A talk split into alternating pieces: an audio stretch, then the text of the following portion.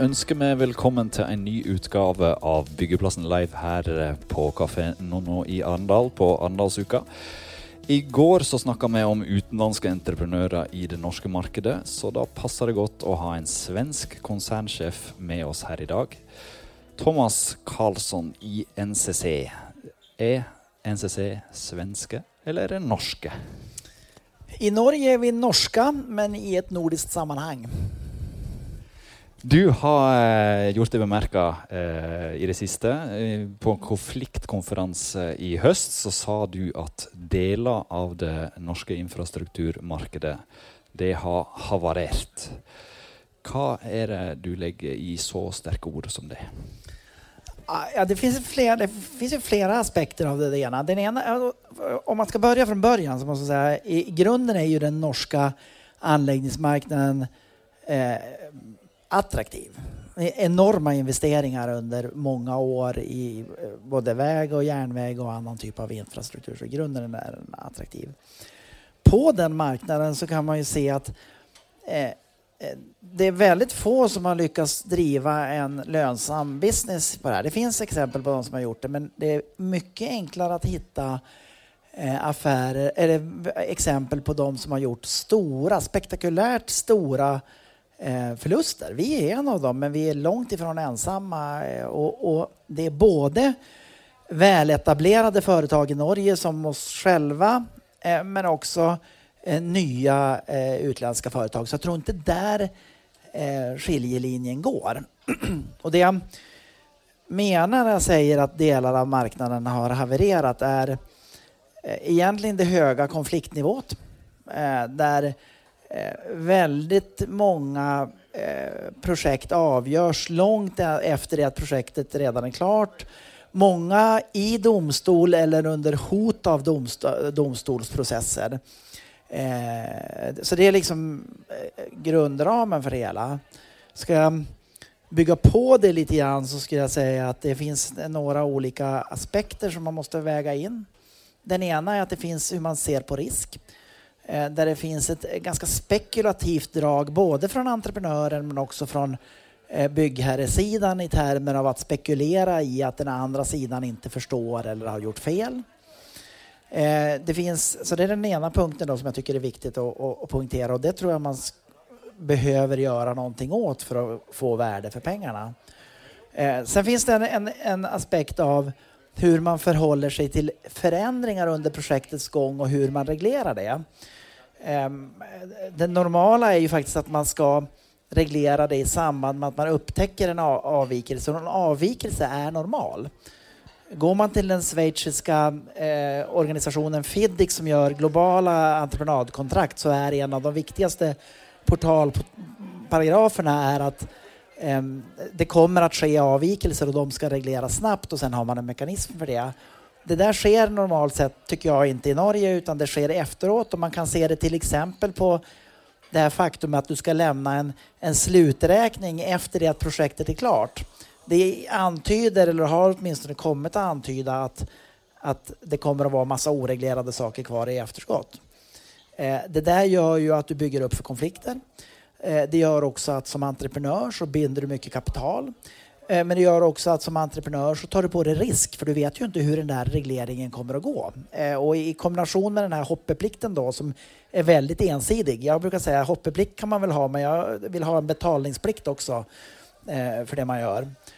Så, det, så hur man förhåller sig och reglerar förändringar är den andra punkten som jag tycker är problematiskt i Norge. Och den tredje är hur man hanterar konflikthantering och konfliktlösning. Ehm, där ett så sker det väldigt sent som jag sa tidigare men också att man gör det ofta till en, en väldigt juridisk process. Istället för att låta våra duktiga medarbetare tillsammans med byggherrens duktiga medarbetare lösa vad var det vi verkligen skulle göra och hur skulle det gå till så, så gör man den till en advokatfråga och så lämnar man över till advokater.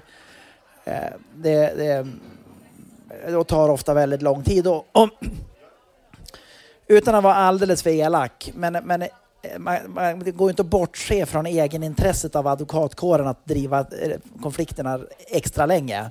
Eh, det, det, det, går inte och det är lite grann som att fråga frisören om du behöver klippa dig. Det, så de, det, de, och det tycker jag man måste göra någonting åt för annars kommer det bli dyrt för det norska samfundet. Men risiko, konflikter och avvik, hur hanterar man det i Sverige?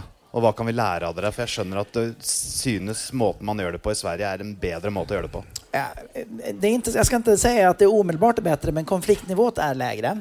Och vi har haft upp och nedgångar över tiden också. Eh, och det kan man se om man tittar eh, runt om i världen också. Eh, runt om i världen också. Eh, man kan ju till exempel titta på vad, hur vad britterna gjorde i samband med Ehm, eh, Rethinking Construction i samband med utbyggnad och haveriet av, av en utbyggnad av Heathrow, Rethinking Construction och hitta sätt att jobba tillsammans det sättet vi gör det i Sverige när vi gör det riktigt bra, och jag ska inte säga att vi alltid gör det riktigt bra, ehm, men det är att vi reglerar fortare, man har en ömsesidig respekt eh, och man har inte stora kvarstående frågor på slutet.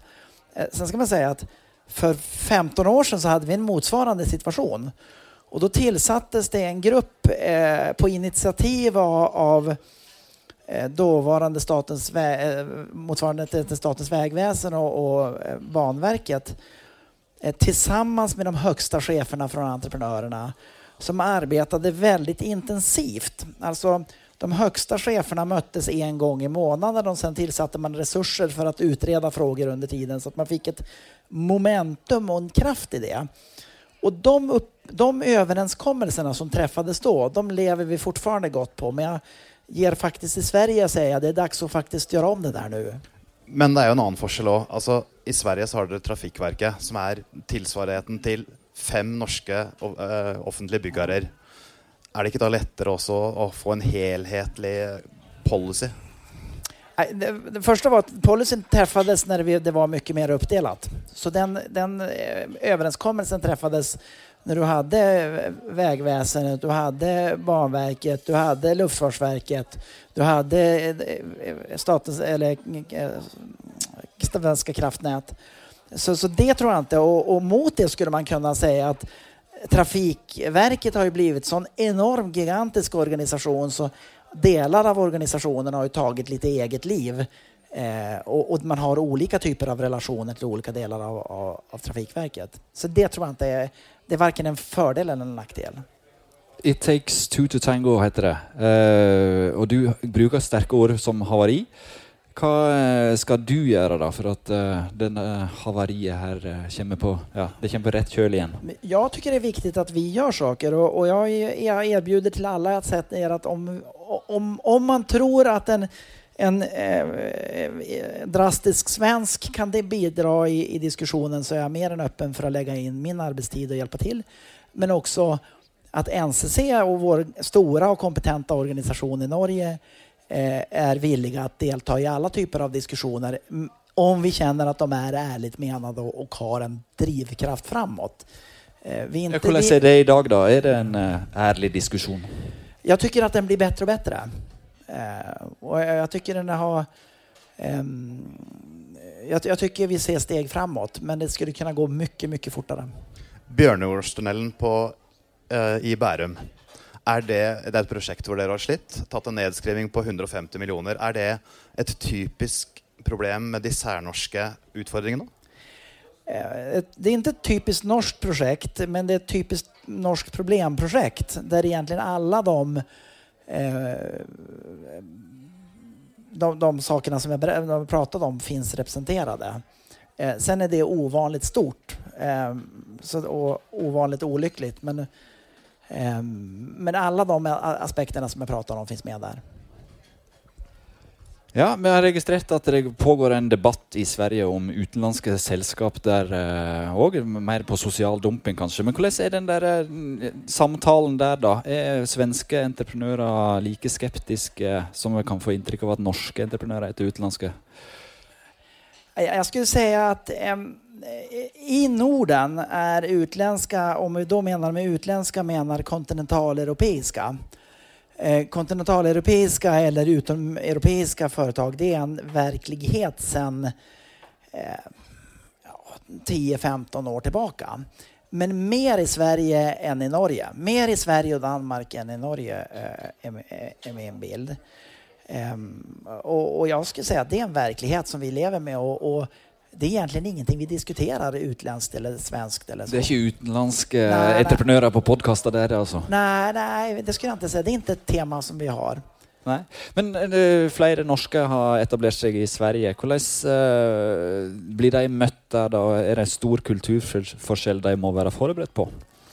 Nej, det, det, nej. Jag, alltså jag har ju jobbat i många länder runt om i världen och skillnaden mellan Norge och Sverige är relativt liten. Men det finns skillnader. Det finns skillnader i hur vi tänker i förhållande till Eh, till, till, planering och, och det finns ju någon sorts stereotypi som säger att, att man ska, om man ska göra ett nordiskt företag så ska man låta eh, Norge hålla på med R&D och uppfinningar. Finland ska hålla på med detail engineering. Eh, Danmark ska hålla på med försäljning och svenskarna ska hålla på med administrationen. Eh, och, och, det finns en del som, som, det finns faktiskt en del eh, grund för det där. Sen är det inte liksom, det är stereotyper och så, men det finns lite grund på det. Så att, eh, det kanske, om man ska, om man ska hårdra, ska jag säga att den norska attityden är lite mer Yes, we can do it. Medan den svenska är kan vi strukturera det här och se om vi kan räkna ut ifall, ifall vi kan göra det. Vi tar en liten paus för att få ett par ord från våra samarbetspartnere.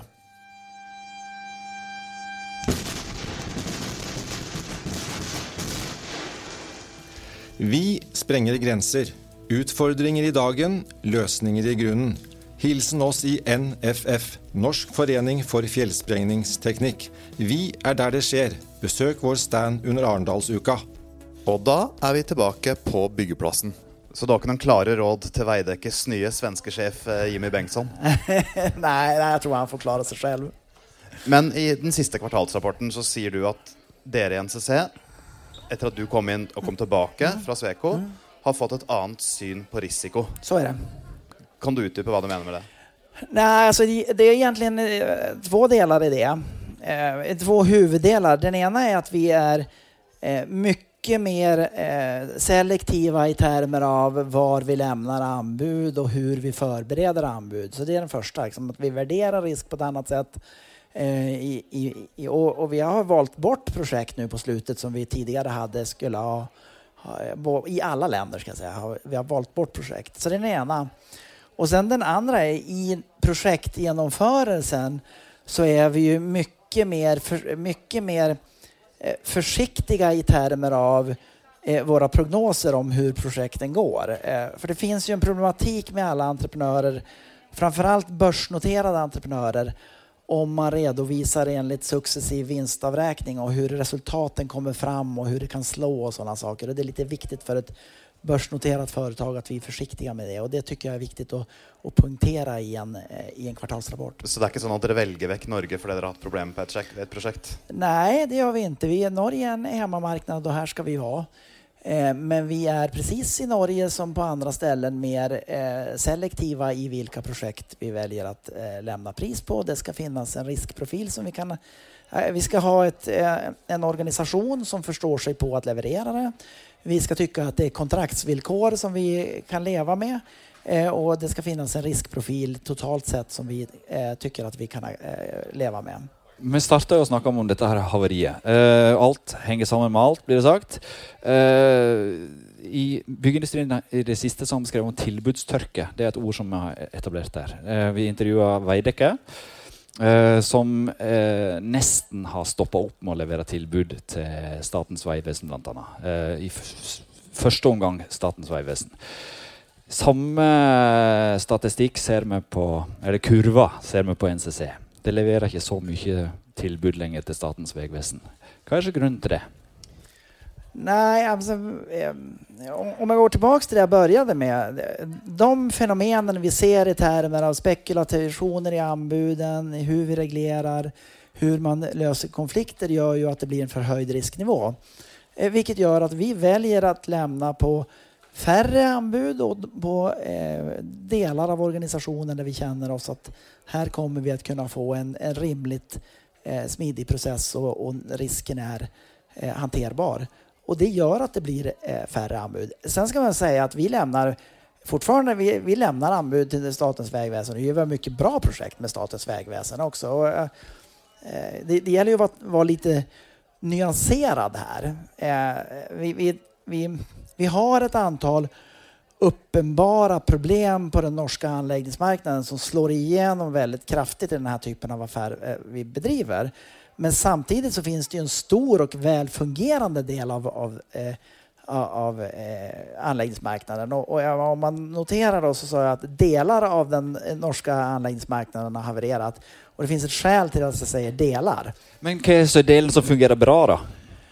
Ja, alltså vi har ju till exempel en stor asfaltverksamhet som vi tycker fungerar bra i, i, i Norge. Mindre projekt tycker vi att vi hanterar fungerar väldigt bra.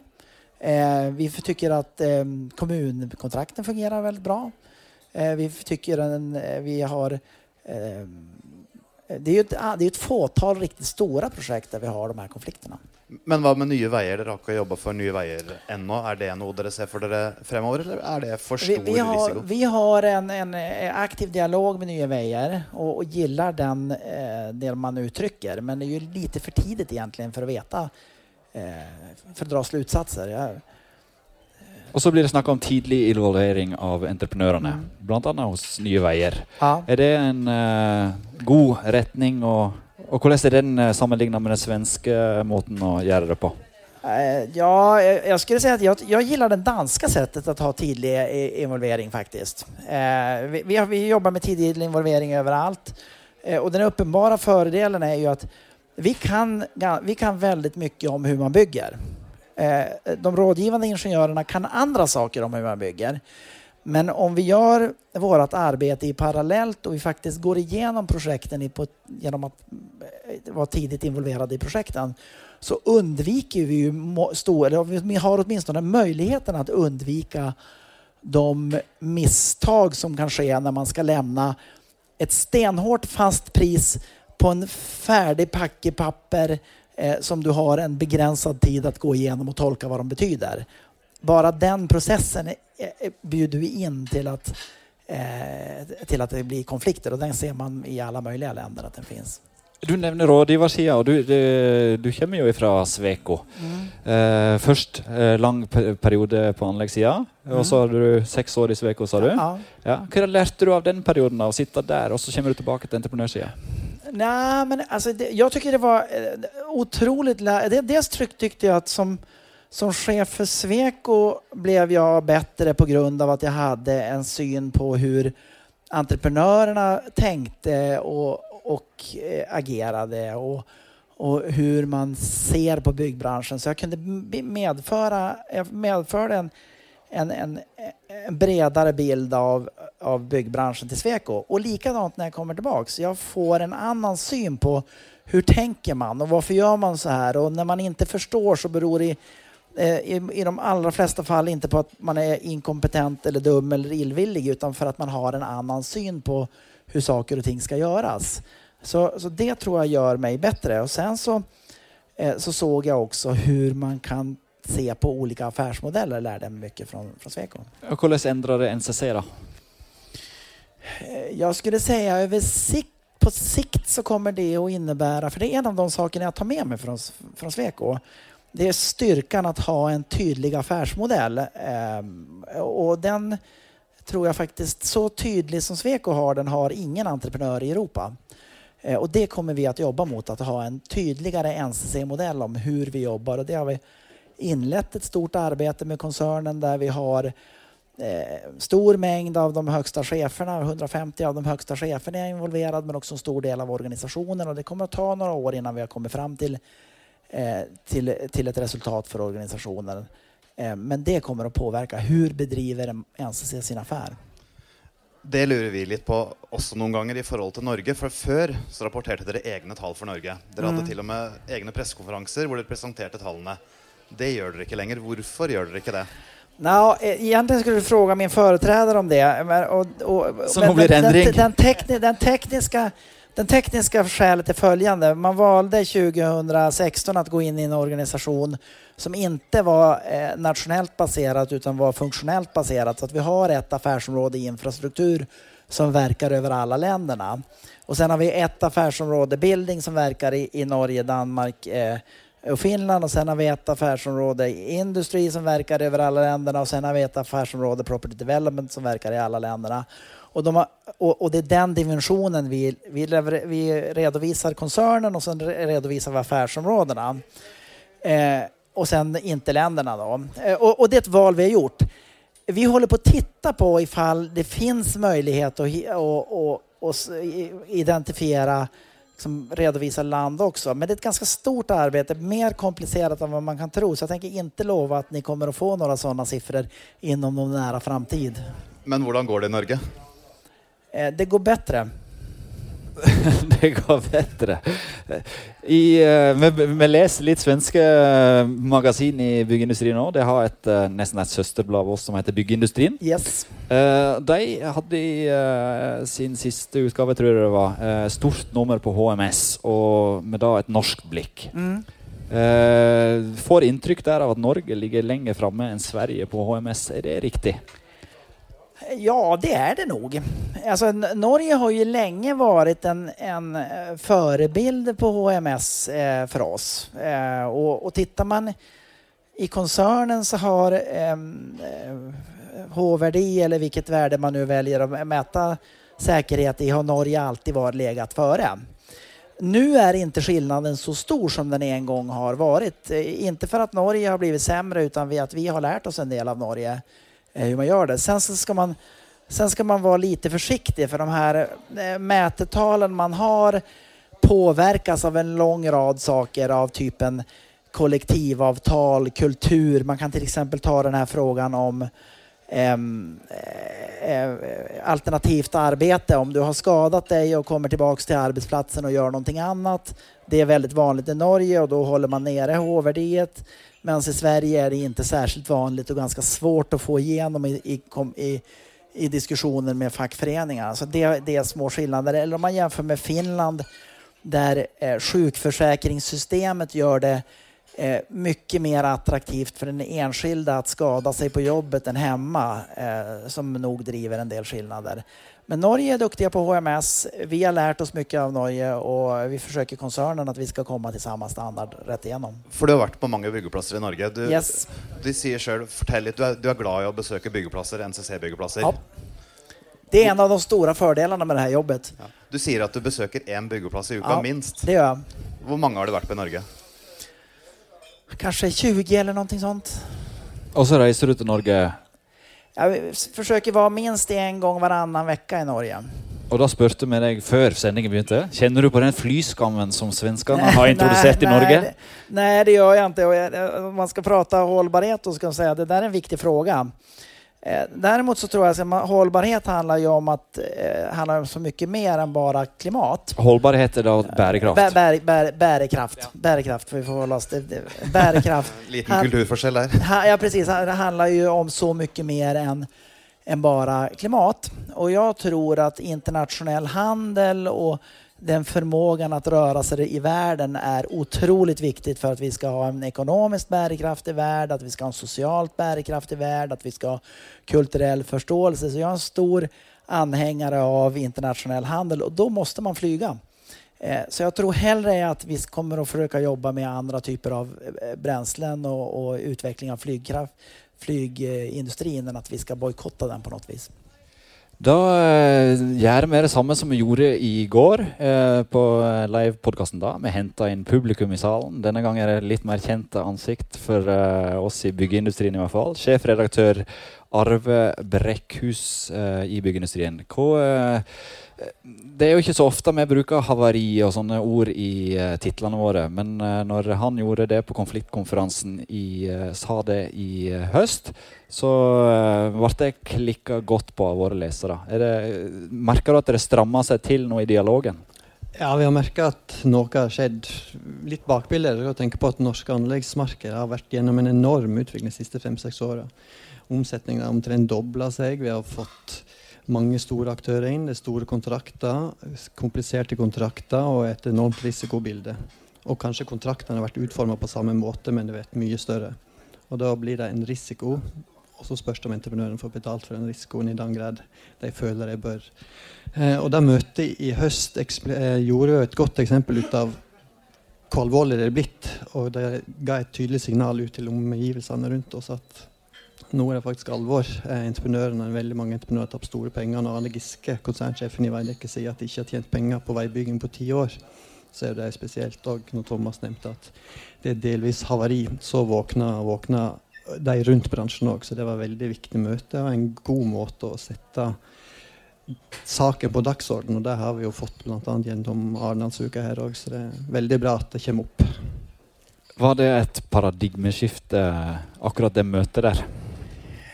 Det vet jag inte, men det var ju uppenbart så att eh, Arne och jag kom ju till samma konferens och hade eh, valt att lägga oss på, samma, på en likartad eh, nivå vad det gällde tydlighet i budskapet. Eh, och det säger väl mer någonting om att tiden kanske var mogen. Hva, eh, hva, hva har du merka i ettertid, da? Ja, alltså det, det, vi märker nu är att det, vi märker en öppenhet att diskutera om hur eh, kontrakt och avtal ska vara utformade. Det är inte så att vi har kommit till några jättestora uppgörelser, men vi märker en tydligare villighet att diskutera både enskilt eh, med oss, men också med eh, industriföreningarna. For å ikke havarere her i dag, så tror jeg vi sier stopp der. Tusen takk til Thomas Karlsson, dere som hørte på. Vi pleier å si vi er snart tilbake med en ny episode av Byggeplassen, men vi er faktisk straks tilbake med en ny episode av Byggeplassen om noen timer fra samme sted, Etisk handel. Tror det også blir veldig bra. Det blir gøy. Takk for oss. Tusen takk.